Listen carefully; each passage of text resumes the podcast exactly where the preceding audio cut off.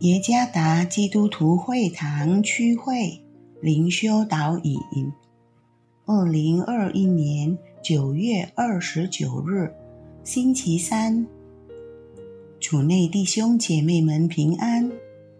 今天的灵修导引，我们要借着圣经罗马书十五章十八到十九节来思想今天的主题。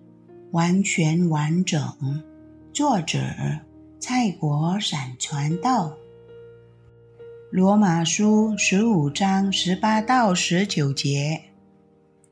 除了基督借我做的那些事，我什么都不敢提，只提他借我言语作为，用神机骑士的能力，并圣灵的能力，使外邦人顺服。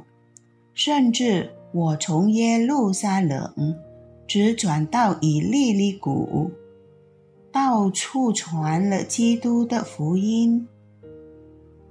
一位名叫蒙古的印尼喜剧演员的失望是，在他经济困难的时候，他去了教会，而只有教会的牧师为他祷告。他对此祷告并不生气。但他因教会对他的困境不敏锐而感到失望。他觉得教会并不真正关心他全部的生活状况。这是由于上帝子民的不完整服饰而出现的众多故事之一。的确，上帝的子民不能满足所有来者的需要。但作为他的子民，我们需要有一种热情，来把上帝的国度实际的带到这个世界上。这段经文说，保罗所执行的传福音事工已经全部完成。完成或完整，并不意味着保罗已经成功的把所有一切都做好。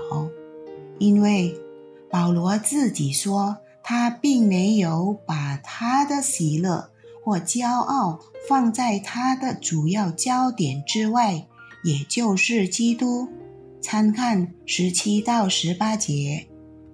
保罗在完整和彻底的传福音中采取了几项行动。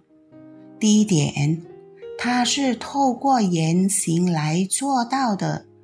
对保罗来说，传福音不仅仅是言语上，而是触及整个生命。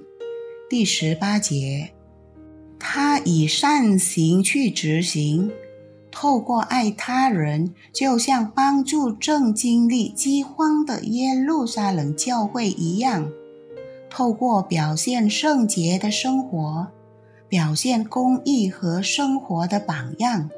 参看《帖撒罗尼迦前书》第二章第九到第十节。第二点，借着圣灵的能力，保罗传福音不是单靠力量或善行，而是被圣灵的能力所驱使，即作为使徒的他里面自由运行的圣灵。第三点。保罗向万民传福音。犹太人是上帝的选民，以耶路撒冷为代表，和犹太人以外的其他民族，以马其顿地区的以利利谷为代表。参看第十九节。保罗按照所托付给他的合场，完全完整工作。他实现了从基督耶稣那里接受的所有信托。我们所传的福音应该完全完整。福音是借着言语和行为传扬的，福音是靠着圣灵传的，福音是根据他对我们的呼召，无论派我们到哪里。无论是雅加达境内外、印尼境内外，都被彻底传扬。地球上的所有地区都是他的合场，所以无论我们在哪里，那里就是他要我们见证福音的禾场。当然，主要任务是传扬福音信息，并培养基督的门徒。但在传福音上，并不忘记每个被服侍的灵魂的需要。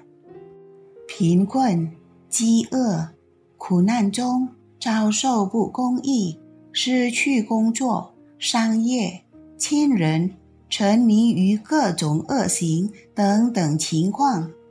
福音必须被完全完整的传扬出去，以便透过我们的生活，上帝的国度在这个世界上被彰显出来。一个完整而完全的使命，将变化的世界带回到上帝的计划中。主耶稣赐福。